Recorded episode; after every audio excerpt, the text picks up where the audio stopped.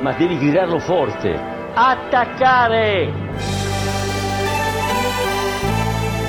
Che va il cross dentro, Quagliarella! Mamma mia! Mamma mia! Dal subito ha tornato a giocatori Pirlo, la conclusione in rete! Andrea Pirlo, un gol pazzesco! Von Karajan, la decide lui, la decide il numero 21 con un diagonale impressionante!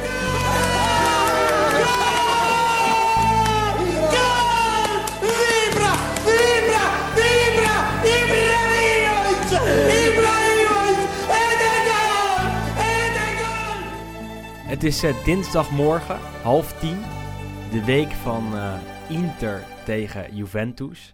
En eh, dat is niet alleen zondagavond het geval, maar ook vandaag. Want Wesley, je bent er terug. Ik ben terug, de verloren zoon. Hoe is het? Het is goed, ja. Mocht ik nou zeggen dat je in België was of, of eigenlijk niet? Eh, mag je best zeggen, ik ben intussen getest en al, dus ik ben helemaal, eh, Helemaal clean. helemaal in orde. Toch Ja. zitten we hier maar op gepaste afstand eh, van elkaar eh, in het eh, nieuwe podcasthok van eh, FC Afkikken. Klaar voor, eh, ja, voor, voor Dit doet, dit doet me een klein beetje denken aan mijn soort van kinderkamer. Ik, Ja. ik, had, ik had vroeger ook altijd, op een gegeven moment, toen, toen verhuisde ik. En toen vroeg mijn moeder van, ja, wat wil je, je mag je kamer mag je zo'n beetje indelen, wat, wat wil je allemaal hebben? Het, eigenlijk het enige wat ik wilde hebben was kunstgras op de vloer. Dus Ja, toen heeft mijn moeder ergens, lekker. Ja, en toen heeft mijn moeder dus ergens, ik weet niet waar, speciaal binnen kunstgras dus, eh, dus, dus gezocht, wat dan ook zoveel mogelijk op echt gras leek. En dat was volgens mij, het had allemaal zo'n stadionnaam. En dat was volgens mij het San Siro, had ik dus zeg maar op mijn vloer liggen in mijn slaapkamer. goede keuze. Dus ik, ja, hier ligt ook kunstgras. Ik voel me hier, eh, ik voel me thuis. We zitten eigenlijk een klein beetje in eh, San Siro. Wat eh, ja, voorlopig waarschijnlijk nog niet echt kan. Dat we naar Italië gaan, naar Milaan voor een wedstrijd. Aankomende zondag hadden we er denk ik graag gezeten. De Derby d'Italia, Inter tegen Juve. Is dit dan een week waarin je al een beetje zenuwachtig bent voor, voor zo'n wedstrijd? Of, of nog niet echt? Het is sowieso een beetje een rare weken natuurlijk, want we hebben heel veel toppers gehad. Ehm, we gaan misschien straks nog heel even snel langs, maar Milan-Juventus was natuurlijk ook nog vorige week. Daar was ik ook best wel eh, de- toch gezond gespannen voor. Ehm, maar het is gewoon, ja, al die wedstrijden die volgen elkaar nu zo in zo'n rap tempo op. Dus je hebt eigenlijk bijna geen tijd om, Ja, om echt nerveus te zijn voor één specifieke wedstrijd. Want vana of wat is het, vanavond begint de Coppa Italia weer. Eh, Juventus speelt tegen Genoa. Dit weekend komt Inter dan op bezoek. Sassuolo is net weg. Dus januari is in de eredivisie de maand van de toppers. Maar, maar in Italië denk ik ook wel. Zoals je zei, eh, Milan-Juve vorige week woensdag. Ehm, dit weekend eh, Roma tegen Inter, wat ook wel een topper was, denk ik. We hebben vrijdag Roma-Lazio. En dan hebben we inderdaad zondag Inter tegen Juve. Gaan we nog allemaal even naar het zijn kijken. mooie weken. Het zijn mooie weken. het is toch genieten als, eh, als je ploeg wint. Maar daar komen we zo meteen nog even op. Ehm, of laten we daar misschien gewoon mee beginnen. met het afgelopen speelweekend. Daarna nog even terug naar die topper van vorige week. Aan de hand van, eh, van de prestaties van Milan en Juve van afgelopen weekend. Eh, we hebben twee mooie columns. Eentje van Isaac, die weer eh, de krantjes doorneemt vanuit Italië. Dit keer helaas een korter clipje dan, dan weer de volle 79 minuten, wat vorige week het geval was. En we hebben Juriaan van Wessem, die niet gaat kijken naar de Derby della Capitale. Ook niet naar de Derby d'Italia, maar naar een andere wedstrijd die eh, aankomend weekend op het eh, programma staat. Voor de echte ja, Italiaanse niche-liefhebbers. En dat is nog even een cliffhanger. dan. Nog even cliffhanger, dan moeten de mensen maar blijven luisteren. Ehm, maar wij beginnen denk ik bij, bij Roma-Inter van afgelopen zondag. Eh, nou, wat, dit, wordt, eh, dit wordt de Willem-show, toch? ik hoorde op Twitter dat we jou gewoon een uur lang moesten laten praten over die wedstrijd. de- de- onze luisteraars Ja. zijn allemaal sadisten, eh, Wes. Want is dat zo? ik heb zondag echt pijn gehad. Pijn, pijn van Inter. Voor de zoveelste keer de afgelopen tien jaar. Maar dit was toch wel weer een klapje, moet ik heel eerlijk zeggen. Even het wedstrijdverloop. Eh, in de eerste helft was, was Roma beter, denk ik. Of tenminste, die had het goed voor elkaar. Kwamen 1-0 voor. Ehm, en eh, ja, die, het was, dat was verdiend. Want een doelpunt van Pellegrini. Nadat Veretout de bal op het middenveld knap afpakte. Van de Barella. Geen overtreding. Bal gaat door. Kwam via Zeko bij Pellegrini terecht. 1-0 voor eh, de Giallo Rossi.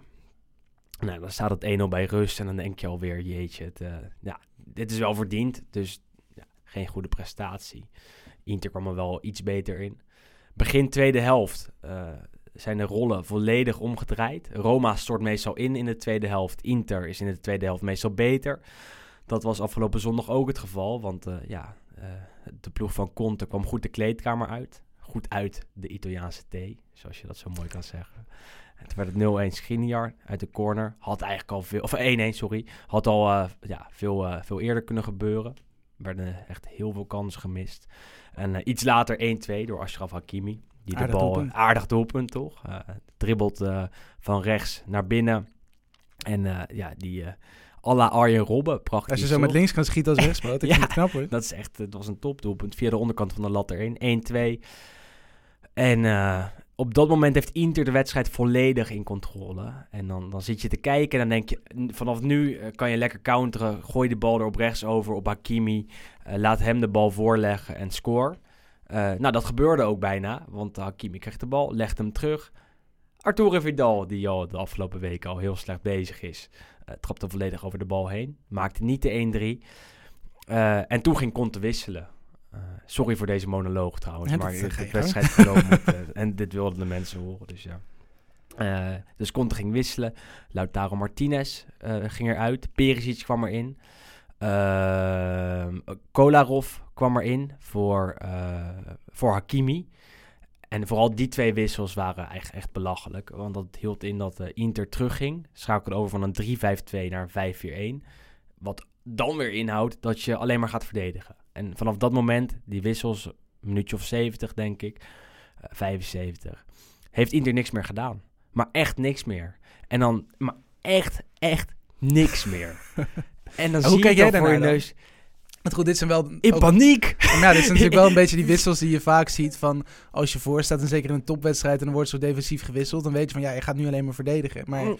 Je kan toch veel beter juist snelle aanvallers erop gooien voorin en dan... Ik trek, ik, ik, ik, ik, zit met mijn handen in het haar, zit ik te kijken wat Conte aan het doen is. Conte die 12 miljoen per jaar verdient, die de, de, als toptrainer wordt neergezet, die vaak een meestertacticus wordt genoemd. Die brengt Kolarov erin, die het hele seizoen nog niks heeft gedaan. Die brengt Perisic erin, die midweeks tegen Sampdoria nog heel slecht was. Eh, en die haalt eh, Hakimi eraf, wat zijn belangrijkste wapen in de counter is. Die tot dan toe ook niet eh, iets liet zien van verslapping. Dus ik zit dan al te kijken met nog een kwartier op de klok. Nou, oké, nou, we gaan verdedigen. Prima. Maar dan moet het wel goed gaan. En de afgelopen twee keer dat Conte dit deed, dat was tegen Atalanta uit eh, en tegen Napoli thuis, ging het eh, de eerste keer mis. Toen scoorde Miranchuk nog de 1-1. En de tweede keer, toen eh, stond Napoli zelfs met 10 man, kreeg de, de uitploeg nog echt heel veel kansen. Nog, nog vijf, zes kansen om gelijk te maken. Schoot Petagna nog tegen de paal. Dus die precedenten die schrijven eigenlijk voor dat je het niet meer moet doen. En al helemaal niet als je zoveel beter bent dan, dan Roma. De tweede helft. De wedstrijd volledig in de handen. Ehm, nou, hij doet het toch. En, en dan moet het een keer echt misgaan.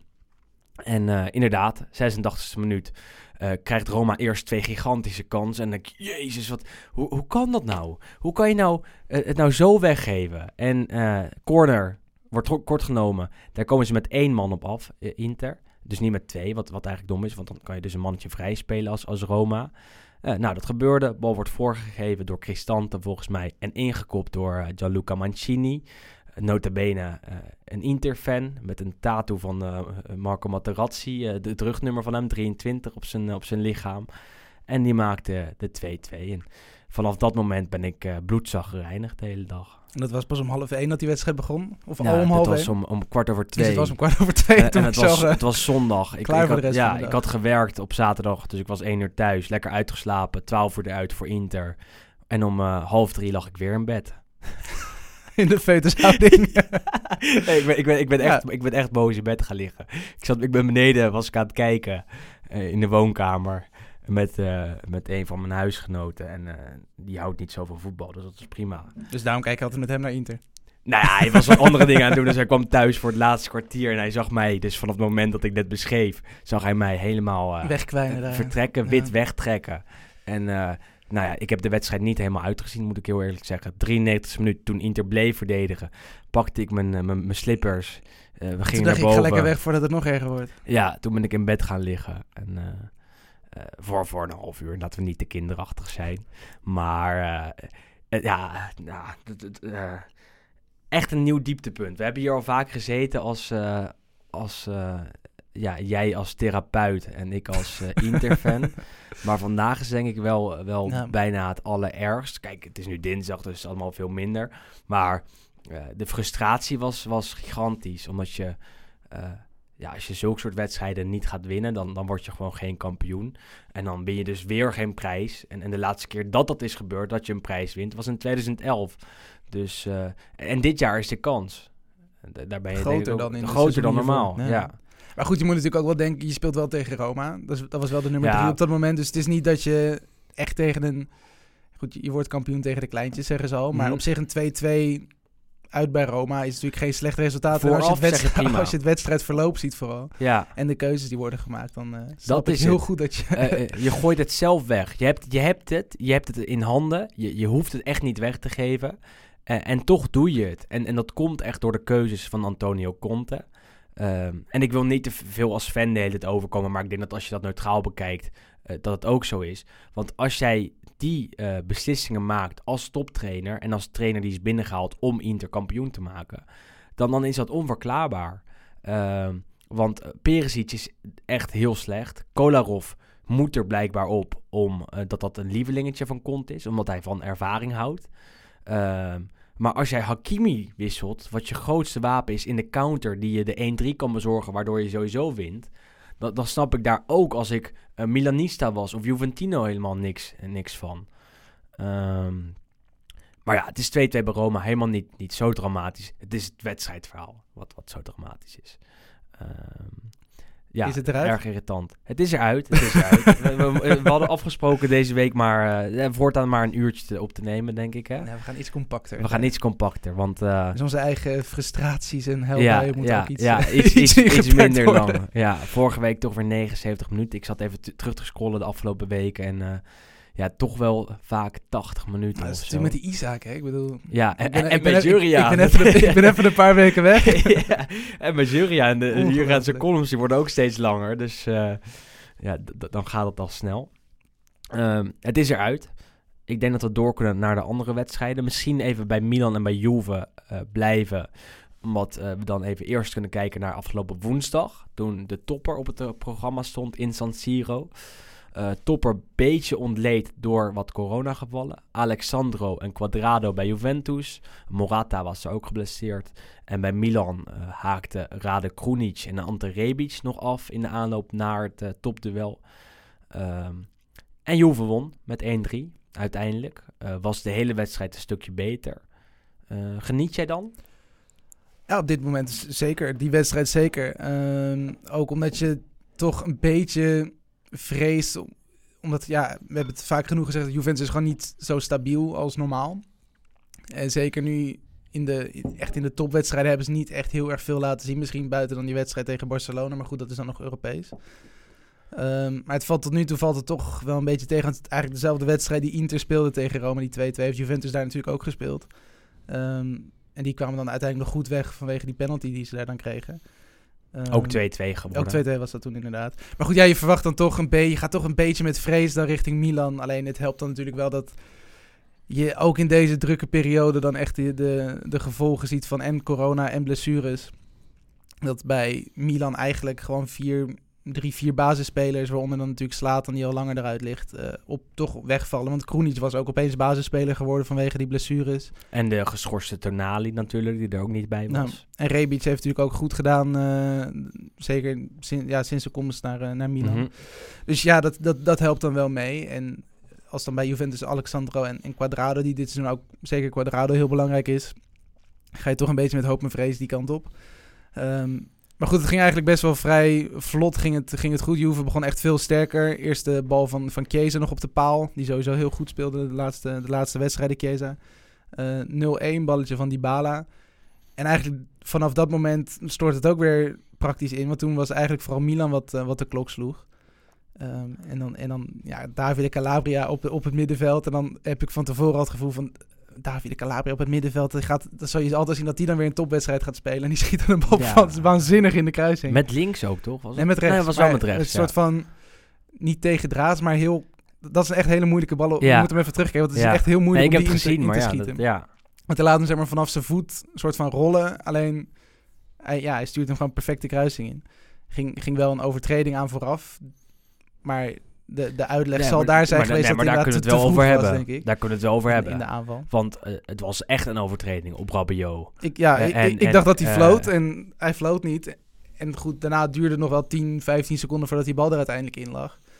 Ehm, Maar het, is, het, Ja. is, het was de aanleiding voor de aanval van Milan. Ja, en, en als je dan gaat terugkijken, en dat hebben ze in het verleden ook vaak gedaan, ehm, en dat blijven ze ook doen, dan moet je deze goal afkeuren. Want eh, anders krijgt Milan de bal niet, anders scoort Calabria niet daar.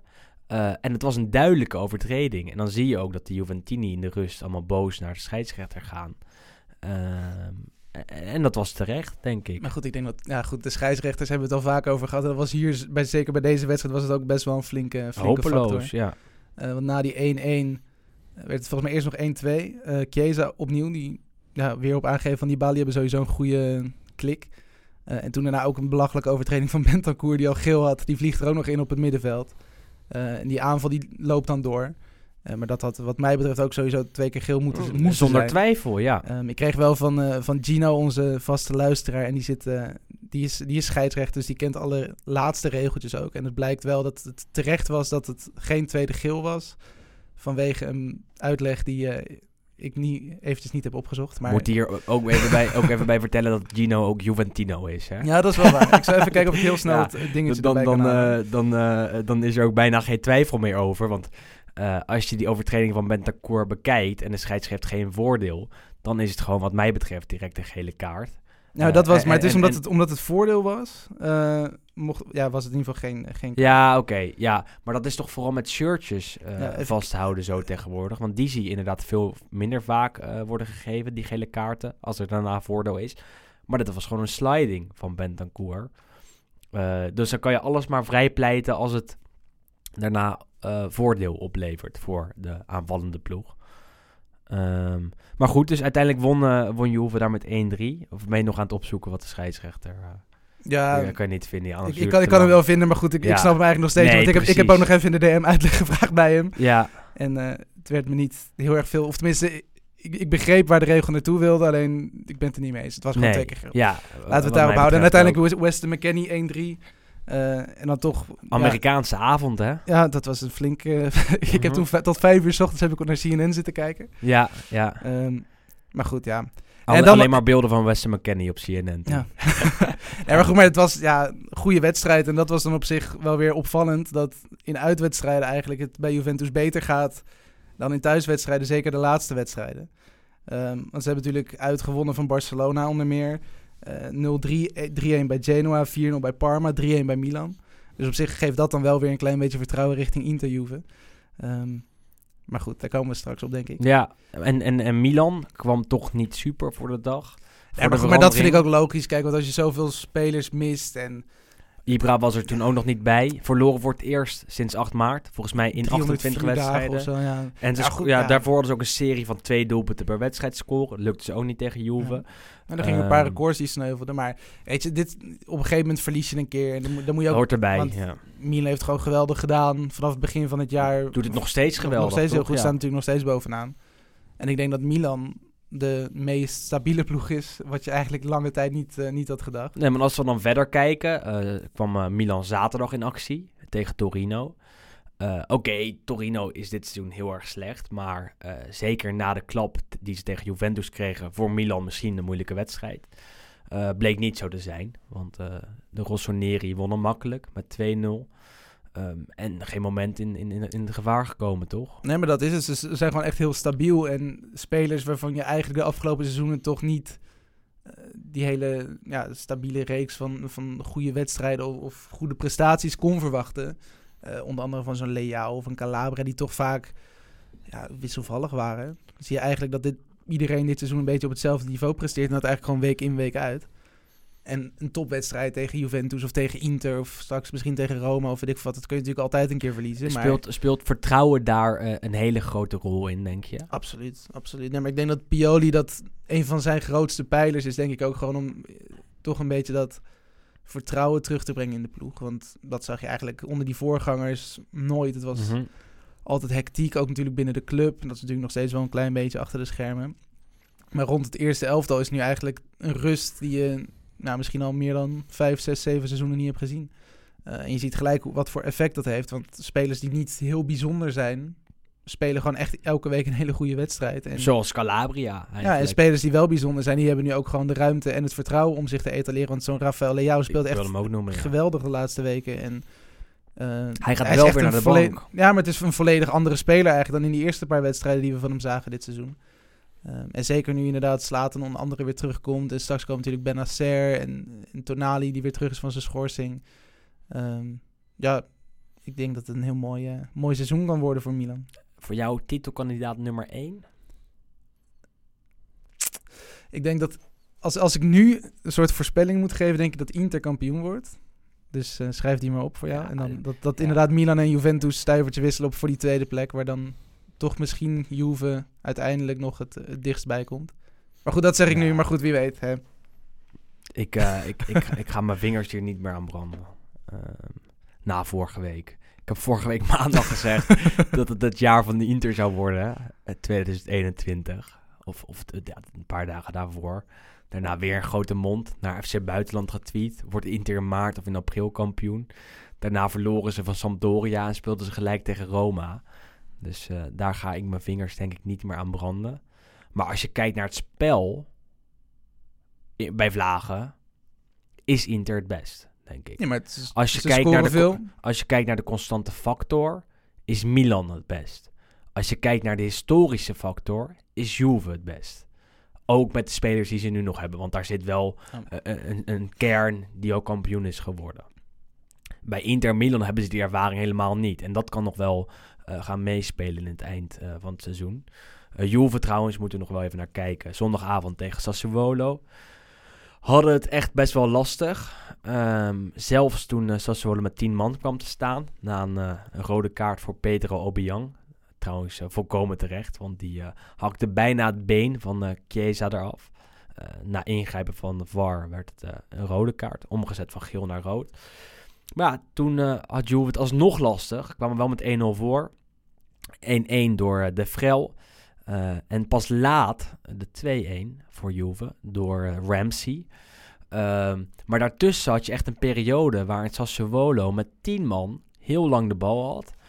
Ik zeg niet dat ze Juve met de rug tegen de, muur, tegen de muur hebben gezet. Maar wel dat er zeker kansen lagen voor eh, de ploeg van de Zerbi om, om, om daar te scoren en misschien zelfs te winnen. Zei de Zerbi ook. Het stond 1-1. Ik, ik wilde hier gaan winnen. Dus zelfs met 10 man eh, probeerden we aan te vallen. Eh, en en dat, dat valt te prijzen, denk ik. Maar toch kregen ze de deksel op het, het deksel. De deksel. De De, deksel, spreekwoordelijke ja. neus. Ja, op de spreekwoordelijke neus. 2-1. Ehm, ja, eh, we, we waren hiervoor al even aan het praten. En jij vond dat ik eh, iets te streng was hè, voor Juve.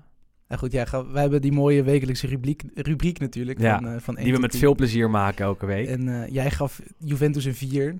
ja, Terwijl ze winnen met 3-1 van nou, directe concurrent op de ranglijst op dit moment. En dat vind ik dan een beetje te oh, ze winnen met 3-1. Ja, Ronaldo scoorde ook nog. scoorde ja. ook nog. Nee, maar ja, goed, het, dat, dat het nog niet best is, dat, lijkt me logisch. Eh, maar het is nu wel begint langzamerhand een, ja, toch een, een reeks wedstrijden eh, waarin in ieder geval gewonnen wordt en waarin bij Vlagen gewoon echt prima gespeeld wordt. Maar, maar dit was Alleen ook... wat, een- ja. het eerste wat jij zei, want ik, zat, eh, ik heb de wedstrijd niet live gezien, ik zat in de auto. Ehm, maar ik zag inderdaad via Twitter eh, wat, wat berichtjes van jou voorbij komen. Jij zei inderdaad van ja, het is maar goed dat er geen publiek zit. Want anders dan was Juve waarschijnlijk niet op deze manier zo slap of zo Ik denk dat daar een kern van aan de wedstrijd zit. eh, begonnen. En dat denk ik, daar ben ik het mee eens. Want als je echt de eerste helft ziet, ik denk dat Juve één kans heeft gekregen. En dat was al in minuut 7 of 48. En het was, het was super afwachtend. Er gebeurde gewoon het, bijna het, het niks. leek net alsof ze een uitwedstrijd speelden. Eh, als er publiek had gezeten, was Juve weer nooit meer weggekomen. Dan heb je... Nou, denk niet dat ze zo kritisch zijn in, in Turijn. Maar toch wel. Maar toch er, er wordt wel wat ja. haast achter gezet. Eh, Zeker als er na 30 minuten nog niet op doel Ja, is kom, geschoten. eh, kom op nou jongens. We zijn alleen maar aan het verdedigen. En, en dat gebeurde. Want, want Sassuolo had de bal. Op een gegeven moment had je een aanval. Dat ze drie minuten, vier eh, minuten eh, konden opbouwen. Ik kan me niet voorstellen dat als die, die daar eh, op de courve hadden gezeten bij, eh, bij Juve, dat, eh, dat Pirlo zo had verdedigd. Denk ik, denk ik. Nee. Ehm, en Maar goed, in de uiteindelijk was tweede Sassuolo helft- ook goed. Hè, Nee, maar, ja, maar, ja, natuurlijk. Maar Sassuolo speelde heel goed. Locatelli was vooral heel sterk. Die, die zie ik ook nog wel deze zomer naar Juventus, Ja. Juventus komen. Nee, maar die speelde heel goed. Maar ik denk dat Sassuolo natuurlijk sowieso een van de beter voetballende... of misschien wel best voetballende ploegen van Italië zijn, is. Ehm, maar ik denk als je uiteindelijk in de tweede helft die kansen krijgt... en je legt ze naast elkaar wat Juve heeft Zeker. gekregen... en wat Sassuolo heeft gekregen, denk ik dat echt 3-1... Ja, geflatteerd kun Het was ook niet onverdiend hoor, dat, dat bedoel ik ook helemaal niet te zeggen. Maar ik denk wel dat Juve iets kwetsbaarder was Ja, ja, dan dat moeten zijn. Maar ik denk dat het ook wel te, te maken heeft met de kwaliteit van Sassuolo die het toch wel heeft, ondanks dat het inderdaad misschien niet de meest eh, spectaculaire wedstrijd speelde Mhm. op, op- wat was het op zondagavond. Ja, Maar ik denk uiteindelijk dat Juve toch wel verdiend heeft gewonnen. Zeker Ronaldo had er misschien nog twee kunnen maken waarvan je echt dacht van nou, ja die ene die prime Consigli Ronaldo zeg maar die, Ja, die schiet er vanavond gewoon drie in. dus, dus Maar- Juve speelt niet goed, maar ze winnen wel. En dat is en, dat was ook een discussie ja, met iemand. ja. En die zei, oh, Juve heeft telkens zoveel geluk en ze spelen zo slecht. En, eh, maar ze winnen dan wel, maar dat kan niet zo lang meer duren. Maar de, de historie, en zeker de afgelopen twee jaar... waarin het onder Allegri al slechter ging, maar ze wel altijd wonnen... waarin het onder Sarri nergens op leek, maar ze wel altijd wonnen... dan leert de historie wel dat Juve als geen ander in Italië slecht kan spelen en wel kan winnen. ja. En dat bedoel ik met die historische factor. Dat ze dat veel meer dan Milan en die Inter ervaring hebben. zit er wel inderdaad meer in. Ja, Maar goed, wat, ik weet niet wie, wie dat was die het zei. Maar goed, heel veel geluk heeft Juventus dit seizoen natuurlijk niet, eh, niet, nee, niet echt gehad. volgens mij, dat stond ook het niet heeft letterlijk. voor mijn gevoel, maar goed, dat is misschien ook een beetje met een eh, zwart-witte bril. Heeft er dit seizoen vaker arbitraal tegengezeten dan meegezeten. Eh, misschien op een, die, die penalty bij Roma eh, na. Ehm, maar goed, ja, in ieder geval 3-1. En eh, ik heb, ik heb toch een beetje het gevoel dat het soort van een, die kickstart bij Juventus een klein beetje is. eh, je hebt het gevoel van als het eenmaal op de rit is, zeg maar, als het eenmaal die, die reeks van goede resultaten, waar nu voor het eerst hebben ze er drie op rij gewonnen. Als dat op een gegeven moment ja, is begonnen, dan heb ik ook wel. Hebben we al een keer eerder gezegd. Nee, maar dan heb ik ook wel het idee dat het, dat het op, opeens dan zeg maar heel goed kan gaan. we Een- hebben al een keer lange eerder gezegd. En toen ging het ook niet eh, direct van. Nee, precies. Dus ik hoop nu dat eh, dit is de eerste keer dat ze er drie hebben op rij. Na Dus welke wedstrijd zeiden dit ook alweer? Toen was het ook zo- zo'n zo'n eh, duel, volgens mij tegen Cagliari of iets dergelijks. Toen de licht terugkeerde. Ja. Dat dat wel eens de serie kon eh, En goed, starten. de wedstrijd daarna waren ze verschrikkelijk slecht. Ja, En- ja zo tegen Dus verspeelden ze volgens mij. Ja, ja, ja. Oké, dus dat is eh, de titelstrijd. En dan kijken we naar Milan, kijken we naar Juve, kijken we naar Inter. Traditioneel de drie grote teams. Ehm, Roma hebben we al even behandeld net. Eh, maar eh, er is één machine die weer is gaan draaien eh, ja, dit, dit seizoen. Maar ik denk dat we eerst even naar de column van Isaac van Achelen gaan.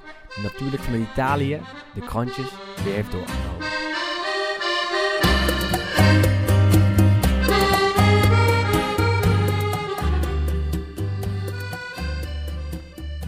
Buongiorno amici sportivi. Hier in Italië zijn de afgelopen weken de restricties bijna van dag tot dag veranderd wat betreft het coronavirus. Codice rosso, codice arancione codice giallo. Ik kan het bijna niet meer bijhouden. Maar vanochtend heb ik de krantjes gehaald in de edicola en een cappuccino gedronken en een cornetto gegeten in de bar. Ja, de bar is gewoon open. Tot 6 uur 's avonds. En bij codice giallo mag je naar binnen. Bij codice arancione mag je alleen afhalen. Vandaag kon ik dus weer even ouderwets ouwe hoeren met de barista. Hai visto che torna la lavatrice in Italia?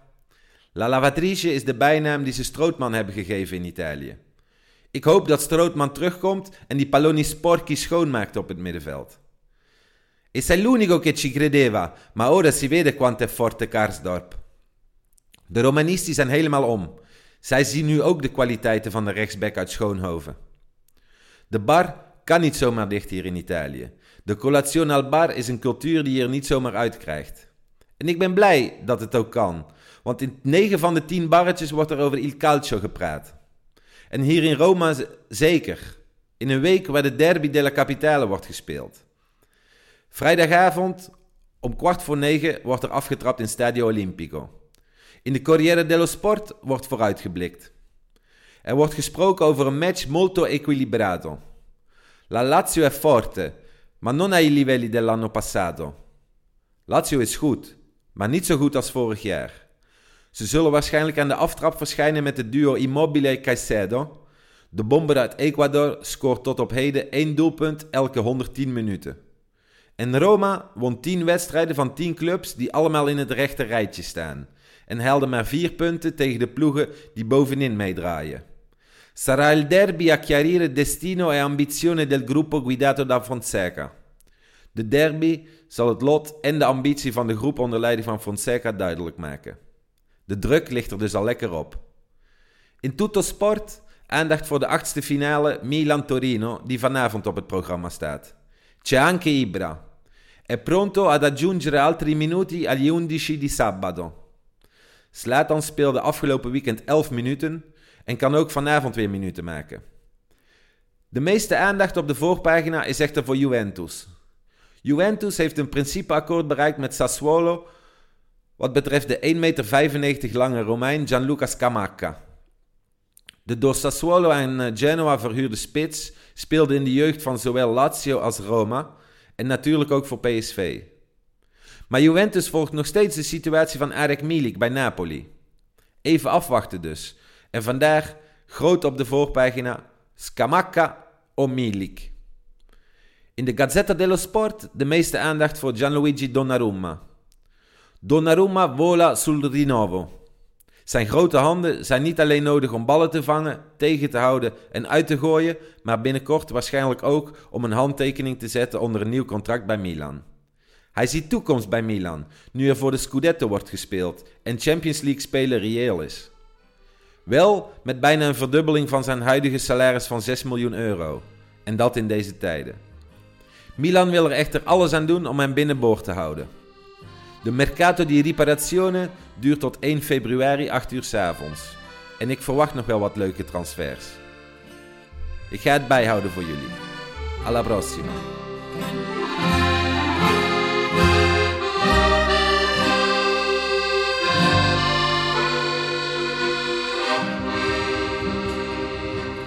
En dan gaan we natuurlijk zo nog even over eh, de Coppa Italia hebben, waar Isaac aan eh, refereerde.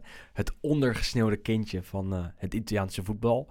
En over ondergesneeuwde kindjes gesproken gaan we natuurlijk ook nog even naar Napoli kijken. Die we wel eens hebben overgeslagen in deze podcast. En dat is niet, eh, niet in dank werd afgenomen.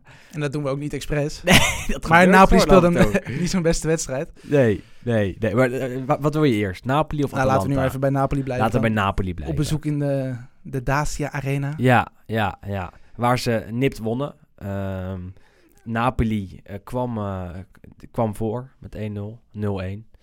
Eh, Strafschop? strafschop. Krijgen ze niet vaak? Insigne, à la Jorginho. Eh, die, die, ja, Insigne die maakte een soort hupje. Hij, hij, hij voerde hem niet perfect uit, maar eh, Hij gaat ja, erin, dat is het belangrijkste. Ehm, vervolgens eh, speelde... Ja, die naam heb ik even opgezocht hoe die je moet uitspreken. Ramani is het gewoon. Rachmani. Ja, Rahmani. Ja, Rahmani. Volgens mij is het want dat is ook met, dat is met al die soort Albanische Ja, ja, ja. die hebben altijd zo'n extra klank erbij. Want die Muriki van Ja. is ook Murici officieel. Ik kwam op een site terecht waar ze Ra- Ramani zeiden. Dus nou, het maakt in principe niet zo heel veel uit doe, doe wat natuurlijk. leuks. Ja, en eh, die had de bal. Die speelde voor het eerst eh, dit jaar in de basis. Eh, wordt er eigenlijk uitgespeeld door Maximovic, die vooral veel speelt eh, als uh, Koulibaly of Manolas er niet is. Nu is Koulibaly geblesseerd. Eh, speelde Maximovic de afgelopen tijd heel slecht. Dus kreeg Ramani de kans. Afgelopen zomer eh, de transfer gemaakt van Verona naar Napoli. Ja, en die speelde echt dramatisch. Eh, had de bal, legde hem terug op eh, de keeper. Meret, die eh, mocht starten. En eh, nou, daar kwam eh, Kevin Lasagne tussen. En die kon eh, voor een eh, leeg doel tekenen voor de 1-1. Daarna was Udinese best wel sterk. Best wel wat kansjes. En eh, die kwamen er echt goed in. Ehm, maar die werden gemist. Best wel onbehouden ingeschoten allemaal. En uh, Insigne ook nog een kansje. Schoot eigenlijk voor een soort... Ja, vanaf 10, 15 meter net naast. Had moeten scoren. Maar uiteindelijk won Napoli alsnog met 1-2. Vrije trap. Bakayoko kopt hem in. Um, ze blijven wel meedoen bovenin. Ja, maar, maar hier, dit is wel, wel een twijfelgeval. Want, want Napoli is de laatste weken niet zo goed. Uh, vorige week woensdag, als we toch die midweekse speelronde erbij hebben bij pakken, uh, verloren ze ineens thuis van Spezia. En die uitschieters naar beneden hebben ze de laatste tijd wel net iets te vaak. Terwijl wij ze wel hebben uh, genoemd als mogelijke titelkandidaat. eh, een paar keer. Niet, niet als serieus, maar meer als, als, als mogelijke kanshebber om mee te doen. Hoe- Hoe schat jij ze in? Op welke positie ongeveer nu? En, en ben je dan tevreden over Gattuso nog? Of, of denk je, nou, het stagneert een beetje? Nou, ik denk zeker dat Gattuso heel goed werk levert. Dat ten eerste. Maar ik denk dat ja, voor de titel is het op dit moment gewoon echt niet go- goed genoeg. En zeker met, met, met die reeks wedstrijden of die, die paar wedstrijden waarin het inderdaad dan opeens naar beneden uitschiet. Eh, maar ik denk dat voor de top 4 moeten ze gewoon mee kunnen, kunnen doen. Ehm, en ik verwacht zelf dat ze inderdaad, nou, wat zal het zijn, 4, 5, 6 zullen eindigen. En dat is denk ik ook gewoon heel reëel als je ziet ook hoe de ploegen boven hen eh, ja, toch gewoon sterker, sterker spelen eigenlijk. Ze hebben ook pech, hè? met Maar ze hebben ook pech, inderdaad, heel veel blessures. Daar ook natuurlijk een paar arbitrale dingen die niet helemaal lekker zijn gegaan.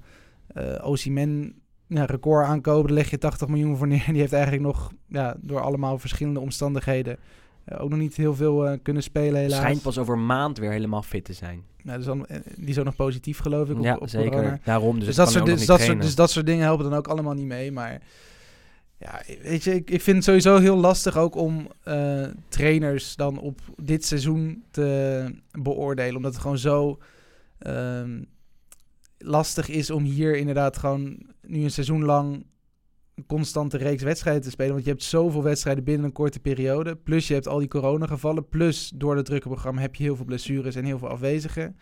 Ehm, dus ik denk, ja, weet je, ook nu met trainers die worden ontslagen. Aan de ene kant snap ik het wel. Natuurlijk bij Parma is uh, Liverani eruit. en ik begrijp dat zeker rondom de degradatiestreep, weet je, dat, dat daar die stress wat hoger is. Maar ik denk zeker bij die topploegen, weet je, het, het ligt al dicht bij elkaar. Want goed, bij Juventus uh, alweer een nieuwe trainer. En die, die vastigheid die je onder Allegri vroeger wel had, is, uh, is er natuurlijk niet. Inter is natuurlijk weer een klein beetje voorop gegaan. Omdat hij natuurlijk met, met Conte wat spelers hebben gekocht die beter in zijn, ding, in, in, zijn, in zijn speelstijl passen. Milan draait natuurlijk goed, Roma doet het goed. Inter heeft niemand gekocht bij. Nee, maar ik bedoel...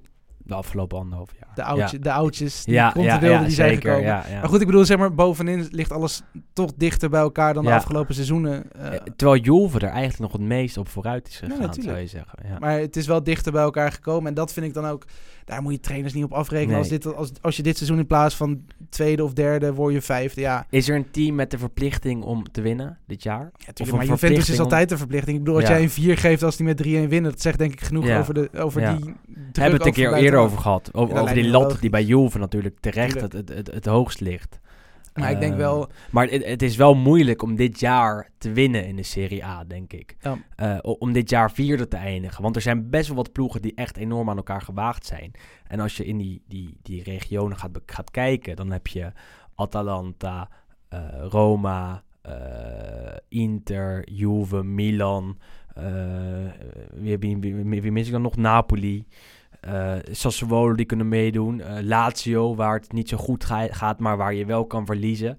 Dan heb je gewoon acht hele goede teams die, die relatief aan elkaar gewaagd zijn. En misschien wel meer dan de afgelopen jaren nog. Um, waardoor het moeilijk is om nu die doelstelling echt te halen, denk ik. Als jij als Napoli zegt, wij moeten in die top 4 eindigen. Dan is dat een, een, een reële doelstelling.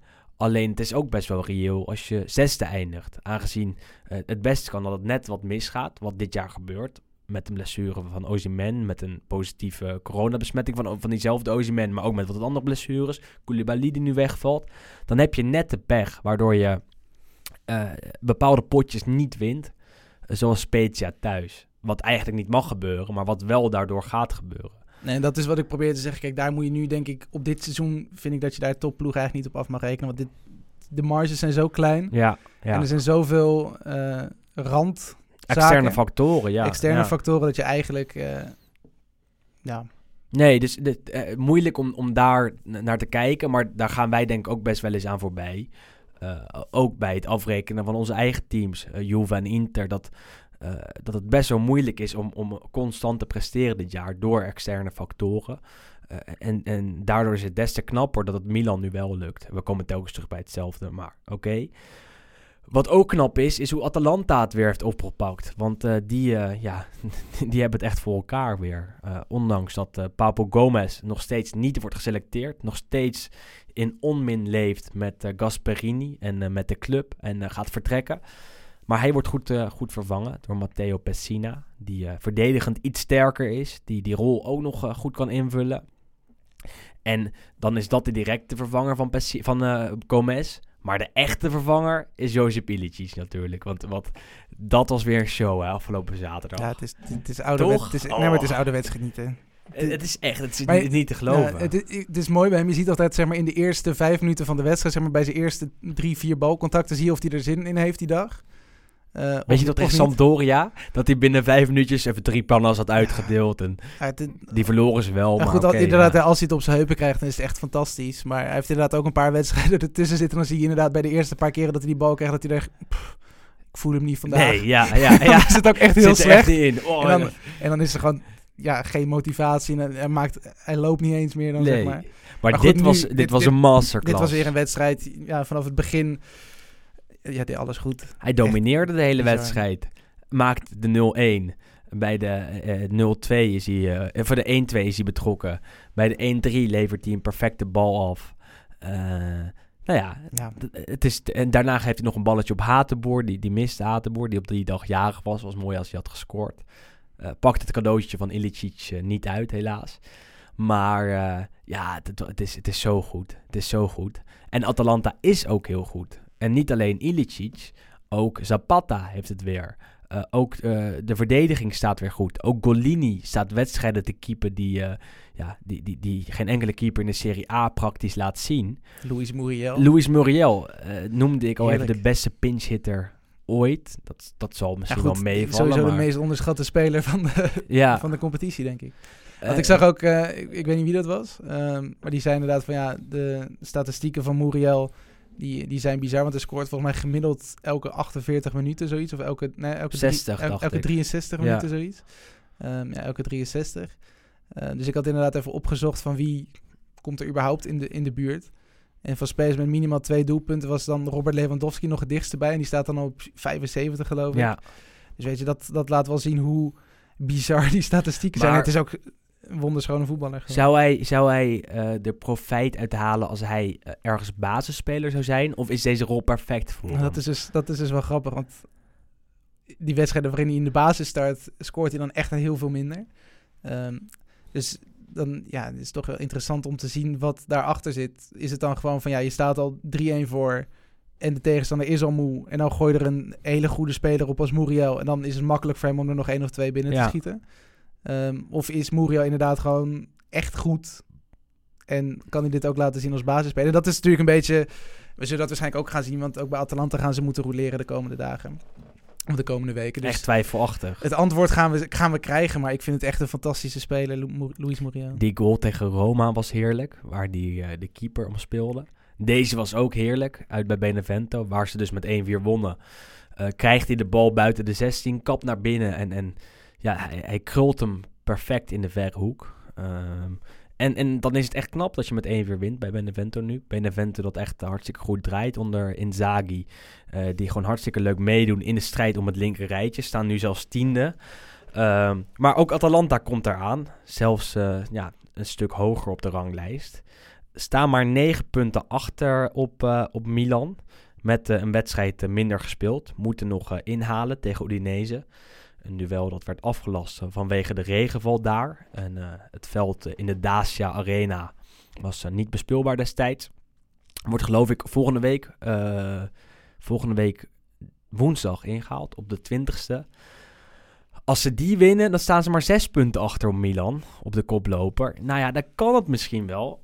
En vorig jaar hebben we het gezegd dat Atalanta kampioen kon worden. En als het seizoen langer had geduurd, dat het dat misschien ook had kunnen worden. Nou, nou hebben ze nu nog eh, de helft van de competitie te gaan, langer zelfs. Eh, kan het? Ja, Wel echt, hè? ik- wat, wat, wat ik net ook zeg, weet je, er zijn, het ligt zo dicht bij elkaar. Dus ik denk dat er inderdaad op dit moment zeker nog ja, acht ploegen kampioen kunnen worden. En uiteindelijk aan het eind van de rit zullen er vier of vijf zijn. En de selectiebreedte bij Atalanta is hartstikke goed. Ja, want als je zegt, Papu Gomez zit er nu niet bij. Die wordt vervangen door Pessina. Dat betekent dat je dan inderdaad Miranchuk en Malinovski op de bank hebt. Ja. Ik bedoel, dat zijn nog wel spelers die bij nou, Je hebt Ach, Luis 18, Muriel op de 18 bank. 19 van de 20 ploegen gewoon in de basis staan allemaal. Precies, ze hebben vier, vijf goede centrale verdedigers. Ze hebben er een, eh, een rechtsback bij uit, eh, uit België gehaald. Of rechtshalf moet je dan zeggen. Ma Malen. Mailen. Melen uit, eh uit ha de, precies, de, de, de tweede man wordt hij achter, achter Hatenboer. Op links heb je eh Mogica en, en Goossens. Dus nou, het kan echt. Het kan echt. Sam Lammers, moeten we ook niet vergeten, zit veel op de bank. Gaat misschien nog worden verhuurd deze transferperiode. Die transferperiode, die is ook weer begonnen Ja, natuurlijk. ja, ja, ja, ja, ja. Is er nog een potje die we moeten uitlichten eh, van afgelopen weekend? Of zeg jij Ik zeg door. door? Eh, Genoa trouwens nog. Ik wil nog even eh, kort, kort, kort over Genoa. Fan van Ballardini natuurlijk. Fan van Ballardini, fan van Mattia Destro. Absoluut. Die de afgelopen tijd het net ineens weer weet te vinden. Is al jaren een van mijn semi-favoriete spitsen in de Serie A. Presteert nooit. Maakte ooit bij Roma een fantastisch doelpunt. Dat hij dat hij volleerde vanaf eh, de middenlijn. Was bij Inter in de jeugd een hartstikke goede spits. Maar uiteindelijk nooit ergens ge- gepresteerd. Eh, maar nu bij Genoa lukt het eventjes. Toch? Want eh, Ja. de afgelopen periode scoort hij vaak. En onder Ballardini gaat het hartstikke goed daar. Schöne is vertrokken. Transfervrij. Transfervrij. Die betekent misschien bij Cagliari zeker iets om er in de gaten te houden. Ehm, ja, dit is, dit is een goed dingetje. Gewoon kort het nieuws even doorspreken. Fiorentina won met een van Cagliari. Dusan Vlahovic, over Goeie spits speler. gesproken, is eh, goed bezig. De, het talent van het jaar van Sander Jonkman. Vooruitziende blik. De Nostradamus van deze podcast, denk ik. Want in 2020 vond ik hem eigenlijk helemaal niet zo goed. Maar ja, in 2021 Hij begint, hij begint aardig. Hij begint aardig. Verder eh, won Spezia van Sampdoria. De derby van Ligurië. Ja, die zat ik, ik zag gisteren ook nog een mooi dingetje voorbij komen. Want jij zegt iedere keer die, eh, of die Mbala en Zola, de Ja. spits van, eh, van Spezia. Middenvelder. spits. ja, ja, ja, ja. dat, dat, dat dat zo'n leuke speler is. En eh, ik, zat gisteren ook even te, te zoeken hoeveel, hoe groot zijn aandeel was, zeg maar. Want voor mijn gevoel is de enige speler die daar scoort, is een Zola. Maar hij heeft nu dus 39% van de doelpunten van Spezia dit seizoen gemaakt. Ehm, Gisteren een penaltytje. hè? Gisteren een penalty, maar... En dan de... de er staan drie spelers staan daarboven. En op één, gedeeld eerste, Cristiano Ronaldo. Ja. Die heeft de 43% van de doelpunten van Juventus Staat er op 15, hè? Moeten we ook niet vergeten. Nou. Die heeft het gewoon echt eh, toch weer een beetje op zijn heupen. En dan vergeet ik nog één wedstrijd te benoemen. Verona won met 2 van Cortone. En die blijven het hartstikke goed doen. Eh, dat is het kopje van de speelronde van afgelopen weekend. En we gaan zo nog even vooruitblikken. Blikken. Vooruitblikken. Maar eerst nog even de mooie column van Juriaan van Wessem. Die, zoals ik al zei, niet gaat over de Derby d'Italia van aankomende zondag. Ook niet over de Derby della Capitale van vrijdag. Maar over een ander duel dat in het verleden al best wel vaak werd gespeeld.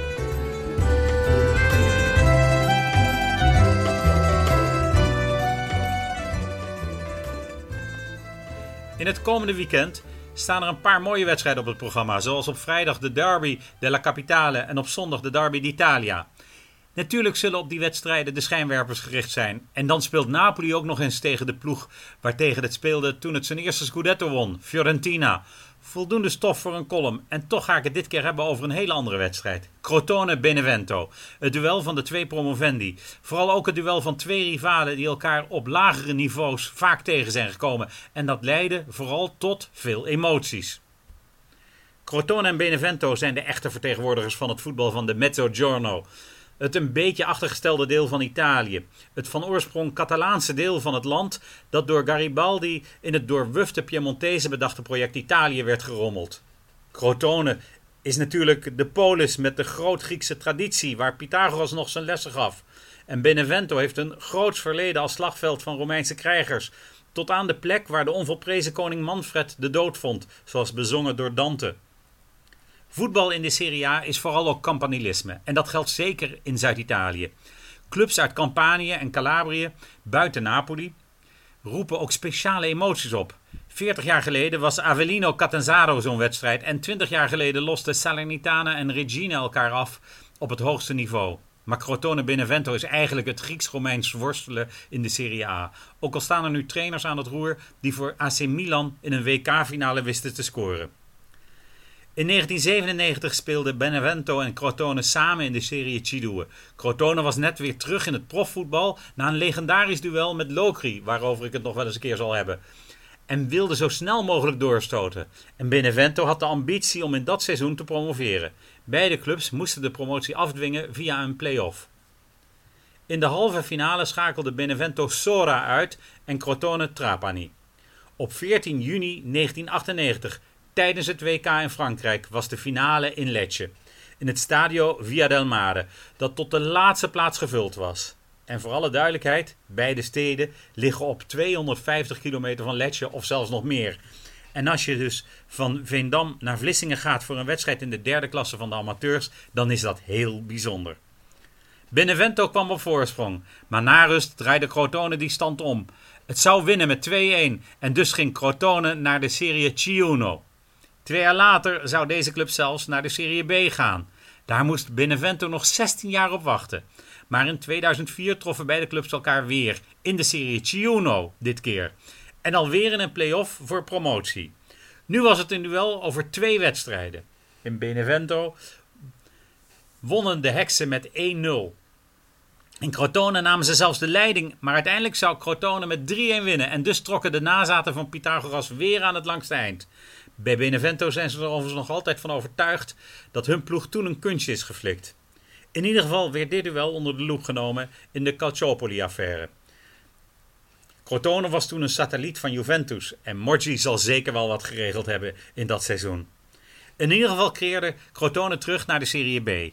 Een jaar later ging Benevento failliet en moest het helemaal opnieuw beginnen. In 2009 speelden ze weer samen in de serie Ciuno. En nu moest het dan maar gebeuren. Benevento schakelde Foggia uit in de halve finale van de playoffs. En daar stond in de finale opeens het spookbeeld Crotone weer voor de heks. Dit keer was de wedstrijd in Crotone. De eerste dan wel. En het werd een gelijkspel 1-1. Nu zou het lukken. Maar in Benevento op 21 juni 2009 won Crotone met 1-0. Driemaal is scheepsrecht. Benevento zal Crotone voorlopig een tijdje ontlopen. En ze zouden elkaar pas weer tegenkomen in de Serie A. In 2016 promoveerde Crotone naar het hoogste podium. Terwijl Benevento eindelijk promoveerde naar de Serie B. Een jaar later promoveerde Benevento nog een keer naar de Serie A, waar Crotone dus, de oude rivaal, met een satanisch genoegen opwachtte. Maar het liep voor beide ploegen slecht af, want in dat seizoen degradeerden ze allebei naar de Serie B. Maar ze zouden dus twee jaar later weer samen promoveren. In juli won Crotone thuis van het bijna gepromoveerde Benevento met 3-0 door drie goals van Simi. De ploeg van Inzaghi wilde in ieder geval voorkomen dat het nog één keer met Crotone in een play-off terecht zou komen. Maar dit keer gebeurde dat niet, want beide clubs promoveerden direct. Het weerzien op zondag zal zeker speciale emoties oproepen vanwege het mooie verleden van dit duel in de marge van het topvoetbal.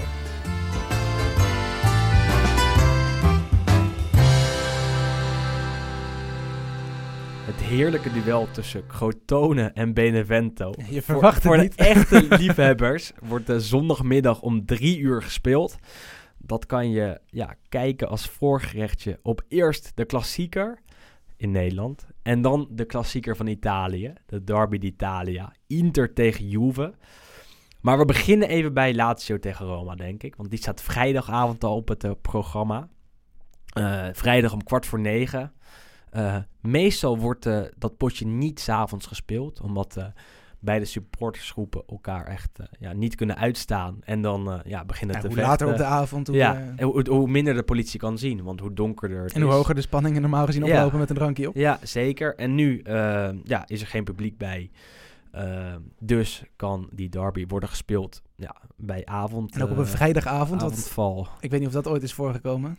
Waarschijnlijk, Nee, ja, waarschijnlijk ik- wel ooit historisch gezien, maar voor mijn gevoel is dat heel lang... het Meestal op zondagmiddag. Zo'n zondag om drie uur wedstrijd. Maar eh, ik vind het een mooie derby, hè? eh, qua verhalen eromheen. Maar voetballend gezien valt het meestal wel een beetje tegen. Ehm, ja, toch? Het, het zijn twee goede teams. eh, vaak met mooie spelers. In het verleden Hernanes bij Lazio, Totti bij Roma. bij Lazio ook nog Klose, eh, noem het allemaal maar, maar op. Maar meestal is het voetballend gezien niet fantastisch. Staat er heel veel spanning om dat, op dat eh, duel. En eh, komt het er toch niet helemaal uit. Verwacht je dat het vrijdag wel, eh, wel zo is? Dit, dit vind ik echt een typische derby waar het veel meer om de strijd gaat dan echt om het mooie voetbal. En veel meer echt om, die, om de trots van de stad dan om ja, hoe, hoe verzorgd het spel is. Want ik denk, je hebt natuurlijk ook de derby van Turijn, de derby van Milaan, om even echt bij de stadsderbies te blijven. Ik denk dat die van Roma Lazio echt voetballend vaak de minste is. Maar Ja. zeg maar qua strijd en qua wedstrijd vaak wel een van de leukste. Ehm, en hardste. Eh, maar dit seizoen, ja, ik vind Roma, ik ben nog steeds best wel onder de indruk van hoe, hoe zij het doen. Ehm, en Lazio, is fantastisch. ja, ja. En Dus, eh, Lazio heeft dan wel de laatste twee duels gewonnen weer in de competitie. Dus daar begint het ook weer langzaamaan een klein beetje te gaan. Maar ik, eh, ik, ik, als ik nu zou moeten inzetten, zou ik denk ik op een gelijk spelletje inzetten. Het is toch een beetje... toch een beetje Mkhitaryan aan Roma-kant tegen Immobile aan Lazio-kant. Immobile die eh, tegen eh, Udinese... Nee, tegen wie was dit? Afgelopen weekend tegen Parma, toen ze met 0-2 wonnen, was hij ja, toch hartstikke goed. Eh, gaf een prachtig balletje in een hele mooie aanval van Lazio, die uiteindelijk werd afgerond door zijn maatje in de aanval, Caicedo. En aan Roma-kant heb je Mkhitaryan, die eh, de most valuable player van de Serie A is, samen met eh, Cristiano Ronaldo. Ehm, staat volgens mij al op 8 assists en 8 doelpunten. Ehm, nou ja, dat is echt eh, fantastisch. Werd de transfervrij overgenomen van Arsenal afgelopen jaar, daarvoor al gehuurd. En is eigenlijk de beste speler van eh, de Giallorossi dit jaar. Tegen Inter afgelopen zondag ook fantastisch. Speelt heel goed tussen de linies, is technisch top. Ehm, heeft een soort schwung over zich heen dat hij, dat hij het tempo kan bepalen van dat elftal. En dat is wel echt genieten. En aan de Lazio kant heb je ook een paar van zulke soort spelers. Luis Alberto, Milinkovic-Savic en zoals ik al zei, Immobile die, die echt klasse uitstralen. Dus wat dat betreft is er zeker... Genoeg er, ja, ja, genoeg naar uit te kijken. Zijn er genoeg redenen om, om, om die wedstrijd te kijken. Is er dan één, één eh, ehm, de derby van Rome, de derby della Capitale... Die, die bij jou eruit springt uit het verleden? Ah, goed, de, de dingen die je herinnert is natuurlijk vooral die selfie van Totti. Ja. Het meest recente, denk ik. Afgelopen Ehm, week, eh, vijf jaar geleden. Natuurlijk die Coppa Italië met, Zes met Lulic. Wat was het, minuut Ja, 73, 73. dat het ja, overal door de stad is eh gegraffitied. ja. Dus dat zijn natuurlijk best wel... Stiftje van Totti. Ja. eh, ja.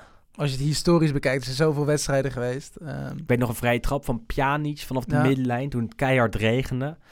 Kloze, die volgens mij een keer beslissend is geweest. en dat is ook, Ehm, want voor mijn gevoel is het ook niet een wedstrijd die nu al jaren naar één ploeg gaat, zeg maar. Nee, Het is wel iets wat natuurlijk heel erg, eh ja, stuivertje wisselen, zeg maar. kan twee kanten op. Ja. Lazio bij, of Lotito bij Lazio, de stabiele factor. Roma, nieuwe eigenaars met eh, de Friedkins. Dus vol- volgens mij voor hen de eerste derby van, van de stad. En die willen ze vast en zeker winnen. Ja, we hebben een goed geheugen trouwens, want ze hebben inderdaad nog nooit op vrijdag gespeeld deze wedstrijd. nou, het wordt ja. überhaupt pas de tiende wedstrijd in de gehele historie die niet in het weekend wordt gespeeld. Van uh, Lazio tegen Roma, of exact, tegen ja. Ja, ja, Ja. ja, ja. Meestal op zondag om drie uur. Ja. Om die rellen te voorkomen. En de laatste wedstrijd die dus niet in het weekend was, was op een maandag. En dat was in 2015. Dus dat is ook zes jaar geleden. Toen werd het hoeveel? Toen werd het 1-2 voor Roma. Ja, nou ja, precies. Waar Totti super vaak, super vaak, precies, eh, wist, Precies. Ik, wist ik wel. Ik vroeg het maar voor de CD. eh waar Totti super vaak beslissend is geweest. En dan komt onze wedstrijd, eh, Wes. Ja. Jij Juventus, ik Inter. Inter thuis, aankomende zondag. Voorafgaand aan het seizoen de twee gedoodverfde titelkandidaten. Eh, De twee teams in Italië die eh, ja, een enorm grote hekel aan elkaar hebben. En op Italiaans grondgebied het meest succesvol zijn geweest door eh, de tijd heen. Samen met Milan, moeten we dan toch zeggen. Juve, Maar goed, Sander is er niet, dus we kunnen die gewoon even Ja, precies, toch? Ik maar bedoel, voordat we eh, weer allemaal commentaar krijgen. Ehm, en dit is toch wel een potje waar we heel lang naar uit hebben gekeken. Ehm, en en waar, waar, wat, waar wel wat spanning op gaat staan. Ja, Ehm voorspellingje? ja, Inter gaat winnen. Ja. Dat sowieso. Maar dat, nee, maar- nee, maar dat zeg ik niet. Nee, maar goed, dat zeg ik nu niet om, om weet ik veel, een soort van alternatieve jinx of zo te doen. Maar, Juve gaat winnen, zeg ik dan. nee, maar het is meer ook. Want wie, wie zijn er op dit moment bij Inter niet bij of ziek, zwak en misselijk? Eigenlijk is iedereen weer fit nu. Goed, Lukaku misschien nog niet helemaal volledig 100%. Sensi maar, is nooit helemaal fit. Lukaku is er wel bij. D'Ambrosio is er niet bij. Vidal gaat hem waarschijnlijk missen. Ja, goed, dat is Maar dat alleen is, maar goed nieuws. dat is alleen maar goed nieuws. Bij Juve... Ja, maar goed, maar dat is dus ja. een beetje het probleem. Bij Juve zitten, zijn natuurlijk nu echt wel heel veel problemen. Eh, Alexandro en Quadrado, allebei positief getest, waren natuurlijk al afwezig voor Milan. Die zitten sowieso nog minimaal tot de 15 of 16e in quarantaine. Nou, de licht net getest, dus hier is er niet bij. Ehm Weston McKennie en Chiesa, allebei geblesseerd gevallen. uitgevallen tegen, eh tegen Sassuolo. Schijnt het wel te gaan misschien. halen. Eh Dybala sowieso niet. Morata is nog niet fit. Dus als je het op die manier bekijkt, Sandro, De Ligt, Quadrado, McKennie, Chiesa, Dybala, stel ze haalt alle, alle zes niet, dan mis je echt gewoon zes basisspelers. En Ja. dan, dan wordt het wel echt een heel ander verhaal natuurlijk. Zeker. En, en dan moet Inter winnen. En, als er druk op staat. En het probleem is ook dat, ehm, dat komt er nog eens bij, dat Pirlo ook geen nieuwe spelers mag oproepen uit de jeugd. Want het hele team zit vanwege de coronagevallen nog in, een, ja, in, in de bubbel. En daar mag ook geen nieuwe speler meer bij worden gebracht. Dus Ja. alleen de spelers die al uit de jeugd, die al op waren geroepen voor de afgelopen wedstrijden, eh, ja, die zitten er dan tussen. Dus ik vrees toch wel een klein beetje dat inderdaad toch Juventus met nou, een B11 dan misschien niet, maar echt verre van het A11 dan moet gaan spelen tegen Inter. Dat maakt het dan toch een klein beetje minder, helaas. Dat is waarom ik denk dat Inter wint. ja. Ehm, maar goed, wie weet verrassen ze me, want die uitreeks, wat ik net eh, aan het begin van de aflevering zei, is, is goed. Dus Ik ga me niet wagen. ik hoop dat Juventus in ieder geval een, gel- een gelijk spelletje zou ik tevreden mee zijn. Als je nu kijkt naar de situatie. Eh, maar ik vrees toch dat Inter eh, dit wint. Ik zeg daar helemaal niks over. Dat durf ik niet meer. Ehm, We zullen maar als we dan toch even kijken, want we keken bij de Derby della Capitale eh, ja, de mooiste herinneringen daaraan.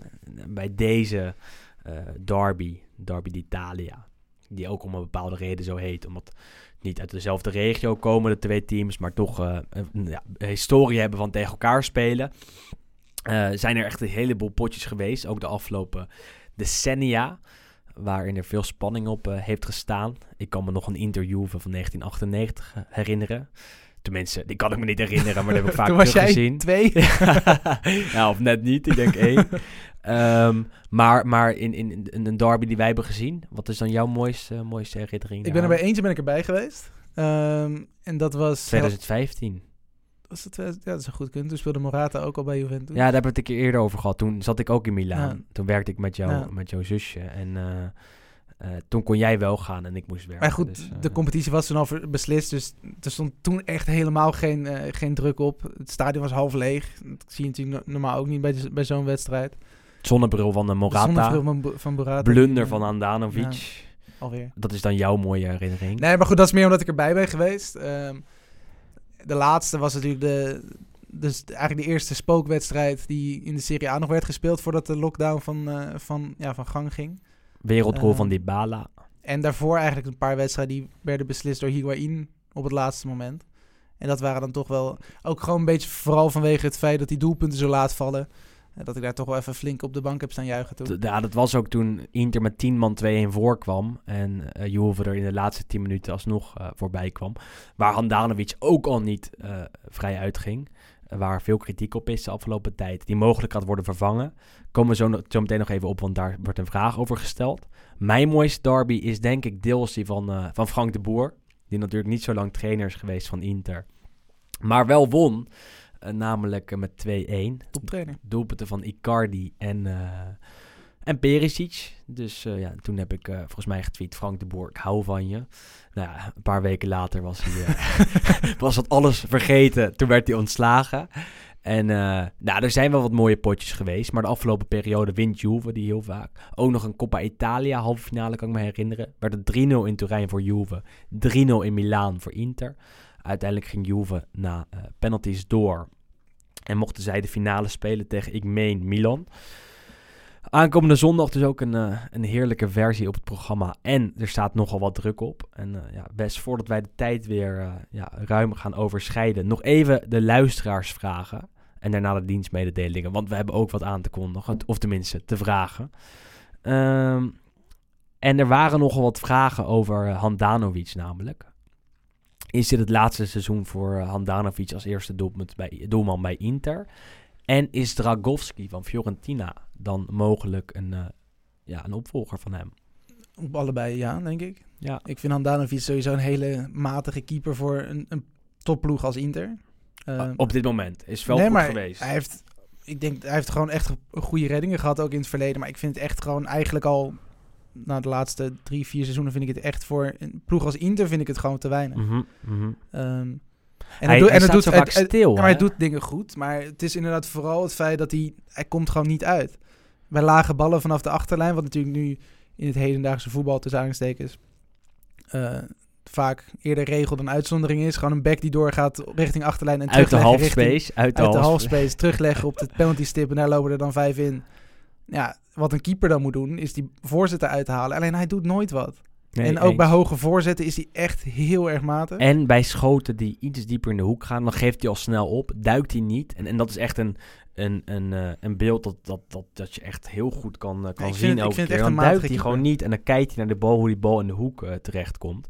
En dat was eigenlijk tegen Roma weer. Oké, het was een bal in de hoek van Pellegrini. Had hem niet kunnen hebben. Maar hij kijkt zo. En dan, dan, dan zie je al dat hij hem niet gaat redden. En hij het, duikt het is inderdaad eens. vooral een beetje de, de schijn die tegen heeft misschien ook Ja, soms. daardoor hij ziet, hij ziet er gewoon heel vaak heel klungelig en heel... Ja, hij- hij ziet- niets doenend uit. Ja, dat, dat, dat, dat is denk ik vooral, want het is, echt geen, het is echt geen slechte keeper. Maar ik vind voor een ploeg als Inter vind ik hem wel echt eh, te matig. En Dragowski, ik denk dat er sowieso een paar goede keepers rondlopen in Italië. Musso van eh, Udinese, Cagno van Cagliari. Silvestri eh, van Verona ook. En Golini van Atalanta hebben we eerder al even genoemd. Eh, dus er lopen er genoeg rond. Moet je wel de portemonnee iets trekken, denk ik. Ja. Voor de een wat meer dan, dan de ander. Golini waarschijnlijk de duurste van Atalanta. Eh, maar het wordt aankomende komende zomer tijd om uh, Handanovic te vervangen. goed, hij is natuurlijk ook al 35 geloof ik. dus het hè, gaat gebeuren. Alleen de vraag is wanneer, hoe. Inter heeft op dit moment eh, geen geld. Dus eh, ja, het is, het is afwachten wie er dan komt en tegen welke prijs. Wanneer eh, kan je wel eh, met potlood invullen, want dat is denk ik aankomende zomer. En ze hebben natuurlijk nog wel als tweede doelman nu, eh, het is het, Jonut eh, Radu. Goeie keeper, Goeie maar keeper. ehm, heeft nog geen enkel heel seizoen in de Serie A gekiept. Werd verhuurd aan, aan Genoa. Daar deed hij het goed. Werd hij wel vervangen door Mattia Perin. Vooral om sentimentele redenen. Perin had al een verleden bij Genoa, deed het daar goed. Daarna verhuurd aan Parma vorig jaar. En daar eh, kwam hij er niet in, want daar hebben ze gewoon een goede keeper staan met uh, dus eh, ja, eh, kijken wat er gebeurt. Radu zou het kunnen doen, maar die gaat zeker niet nu eerste keeper worden bij Inter. Aangezien hij te weinig ervaring heeft in, het, in het doel bij een Serie A elftal. En Bernie is helaas, helaas niet meer bij Inter. Ehm, wat hebben we nog meer? Ja, heel veel vragen over content. Dat hebben we allemaal eh, behandeld. dat gaan we niet nog een keer ja, nee, dat, nee, want dan wordt het ook een showtje. En dit was, al, dit was echt, eh, ja, echt, eh, echt eh, gemeend. Wat is er met Paulo Dybala aan de hand? En dat is nog wel iets moois waar we even naar kunnen kijken. En die vraag kan jij denk ik het best beantwoorden. Nou goed, ik denk dat we dat al heel vaak hebben gedaan. Nog Eh, één keertje kort dan. Nou, hij heeft corona gehad, nooit echt volledig hersteld. Veel gezondheidsproblemen. En contractsituatie nog steeds niet optimaal is. En dat soort, als je dat allemaal bij elkaar gooit, heb je te veel eh, afleiding. Daar lijkt het vooral op, denk ik. Want hij heeft het, soms heeft hij het opeens dat het, dat het goed gaat. En zeker wat ik, wat ik helemaal aan het begin van de, van de aflevering zei. Wat je zag in het duel met Milan. eh, dat de klik met Chiesa heel goed is. Ehm, maar ja, ja ik, ik, ik denk dat hij weggaat deze zomer. Gaat, ja, dat, ze zouden er goed aan doen. Zei ik Nou. vorige week ook. Komt iemand met 60, 70 miljoen doen. En dan Ja. heb je al eh, vervangers in huis met Kulusevski en Chiesa. Die die rol op een andere manier invullen, maar wel kunnen doen. Nee, en het is ook, eh, ik denk de wedstrijden waarin Juventus goed, echt goed was dit seizoen, was vooral ook als Morata speelde. Eh, en ik denk dat dat toch een geschiktere manier van spelen is misschien voor, voor dit Juventus met deze, dit spelersmateriaal. Dat je inderdaad een, een- één spits hebt en dat je daaromheen onder andere Ronaldo en Kulusevski Oh. en eventueel Keza kan, eh, kan zetten. Al gaat Ronaldo natuurlijk op een gegeven moment vertrekken. Ja, nee, tuurlijk, en dan, ja. dan ga je ook anders spelen. Want nu is het echt spelen. ingericht op CR7. En op een gegeven moment is hij er niet meer. Dan moet je echt weer gaan kijken. Maar het, het Ehm. nadeel van die balen is, vind ik, dat als hij inderdaad wedstrijden speelt, nu tegen Sassuolo viel nog enigszins mee, maar soms dan zakt hij echt letterlijk tot tussen de, centrum, tussen de centrale verdedigers. En dan ben je gewoon je hele opbouw ben je, ben je kwijt, omdat dan eigenlijk een van je diepste mensen staat het verste terug. Zo is het. Zo is en dan, het. ja, dat, dat, dat werkt niet helemaal. Waarom lukt het eh, Bologna niet om beter te spelen en hoger te komen? Eh, vraagt eh, Erik Hoetjes. Erik Hoetjes, daar heb ik mee gestudeerd, dat is leuk. Ja? Erik. Ja, Erik Hoetjes. Oh Shout-out. Ja, ik moet ze even goed lezen. Erik Hoetjes Erik Hoetjes. Eh, mag ik die beantwoorden? Omdat ze heel erg jong spelersmateriaal hebben. er loopt heel veel talent rond en heel veel spelers die zeker kunnen gaan doorbreken. Met Vignato, met Barrow, met Schouten. Schouten die afgelopen weekend eh, enorm in de fout ging trouwens tegen Genoa. Maar dat zijn wel spelers die nog een beetje wisselvallig zijn. En het in de Serie A nog niet op, op zo'n niveau kunnen laten zien dat ze achtste, zevende, zesde worden. Maar dat ze een beetje rommelen in die marge. Degraderen ze, zullen ze niet, denk ik. Ehm, maar het is allemaal heel wisselvallig, omdat het spelersmateriaal op dit moment gewoon niet, nog niet goed genoeg is. Ik denk ook dat het deels ook wel te maken heeft met Sinisa Mihailovic. Die, want je ziet niet echt de vooruitgang van die jonge spelers, heb ik ook het gevoel. Dat Het is wel echt waar, ja. zeg maar, een- coach over het algemeen maakt spelers beter. En zeker jonge spelers maakt het beter. Alleen dat mis ik toch wel een klein beetje. Dat je echt die... Sommige spelers, Svanberg heeft bijvoorbeeld nu, staat nu ook in de belangstelling van Milan. Die zie je eigenlijk als een van de weinige jonge talenten daar stappen zetten. En de rest blijft... Ja, dat stagneert een beetje. En Mhm.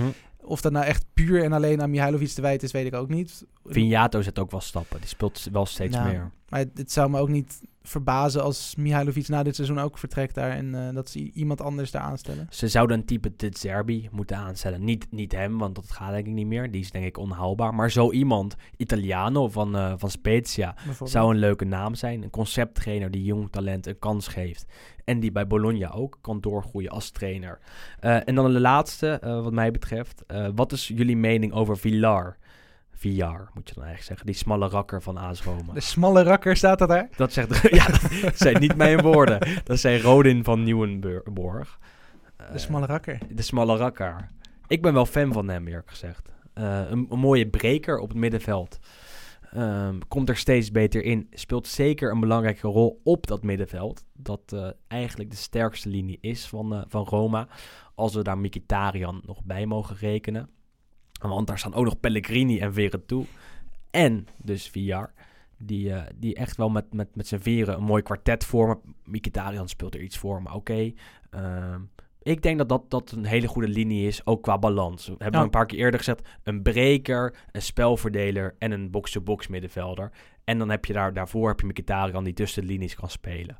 Ehm, en VR vormt die rol als breker en dat doet hij hartstikke goed. Ik vind het ook wel knap waar ze hem niet vandaan hebben gehaald. Zeg maar. Want ik, ik moet eerlijk zeggen, ik ken hem totaal niet voordat hij naar Italië kwam. Ik ook niet, nee. Ze hebben 4 miljoen geloof ik ook maar betaald. Dus dat is natuurlijk ook een, eh, een schijntje in de, in de hedendaagse transfermarkt. Dat was zelfs nog voor die hele coronacrisis. Dus dat was zeg maar nog ja, rond de oude bedragen. Dus ik vind het wel opvallend dat inderdaad zo'n out of the blue speler nu echt gewoon nou, Daar moeten ze het van hebben, vaste toch? basisspeler is. En dat was ook grappig vorige week of, of een paar weken terug. eh, vroeg ook iemand, gewoon een paar fans van Roma vroegen zich af op Twitter van... eh, die VR is dat, eh, dat speelt wel echt heel goed. En moet hij ook niet eh, misschien een keer naar de Spaanse nationale ploeg kijken? En toen reageerde Gonzalo VR dus zelf op zijn eigen Twitter van... nou ja, ik hoop dat Luis Enrique ook Rijsport kan ontvangen. Ja, nee, Dazon. Dazon was het zelfs. Ja, ja, ja, ja, ja, ja. Dat vind ik Ja, wel en Dazon heeft bijna niemand. Dus ja, dat ik vrees een beetje het De ergste van A- VR. de Serie A pas misschien. ja, precies. Of Ziggo Sport. Ziggo Sport, absoluut. Ehm, dat was hem voor deze week, Wes. waren leuke vragen die, eh, die we deze week kregen. Hebben wij ook een vraag aan jullie als luisteraar. Want wij zijn genomineerd. We staan op de longlist voor de Podcast Award van het Total Football Fest Festival. En eh, op dit moment zijn er in onze categorie een paar die meedingen naar de echte nominaties. En wij horen daarbij. Er worden er uiteindelijk drie genomineerd in de analyse-categorie. En wij analyseren wel echt heel goed ook eigenlijk. Met een vleugje fan af en toe ertussendoor. Eh maar wij staan vierde en er worden er drie genomineerd. We hebben nog wat stemmen van jullie nodig. Dus eh, kijk even bij ons op eh, Twitter en op onze Instagram. In onze bio staat een linkje. Vul dat formulier in. Het maakt me geen reet uit op welke andere podcast je stemt. Zolang het maar liefst geen concurrenten. liefst geen concurrenten. Internationaal voetbalnieuws van Juriaan van Wessem verdient nog wat stemmen, vind ik. Dat paarden, die paardenpodcast doet hij mee. Dat weet ik niet, daar laat ik me niet over uit. Eh, maar eh, wij zouden het leuk vinden als jullie op ons stemmen. Als je toch elke week naar ons luistert, dan, eh, dan is dat hartstikke leuk. Wat ook leuk is, is als je een recensie achterlaat op iTunes, op Apple. Geef ons een aantal sterren, laat even een reactie achter. En dat vinden wij altijd erg leuk om te lezen. Je kan ons ook gewoon een berichtje sturen op Twitter, Instagram, Facebook. Noem het allemaal maar op. En ja, de Sonos bar. Ja, ik wilde net vragen, komt Sonos nog langs? Die Of, komt eh, toch elke week terug. Ja. Maar ik ben een beetje bang, Wes, dat als, het, als ik dat zo vaak ga zeggen... En, en zo vaak de hemel in ga prijzen... dat ik dat luister tijdens het schoonmaken, koken, afwassen, huilen opvouwen, huilen in bed... emotionele muziek, time to say goodbye... dat het dan niet meer serieus te nemen is. Dit wel de tsunami-versie, dat het dan niet meer geloofwaardig is. Maar ik zeg het nog maar een keer. Ik blijf het elke week zeggen. Top ding.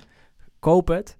Eh, Isaac en ik die hebben twee weken geleden opgeroepen. Ja, van, nou, laat ons dan wat weten. Wat, wat, wat, wat, eh, wat jullie ervan vinden. En, en het liefst vanuit Sonos.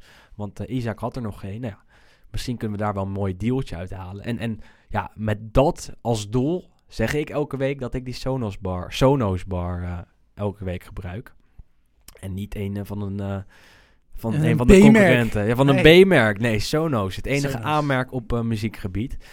En eh, wij zijn het enige aanmerk op Italiaans voetbalpodcastgebied in Nederland. Dus stem vooral op de Voetbalpodcast Award. Staat een linkje op Twitter en op Instagram. En voor nu zeggen wij tot volgende week. En Forza Inter. Tot de volgende.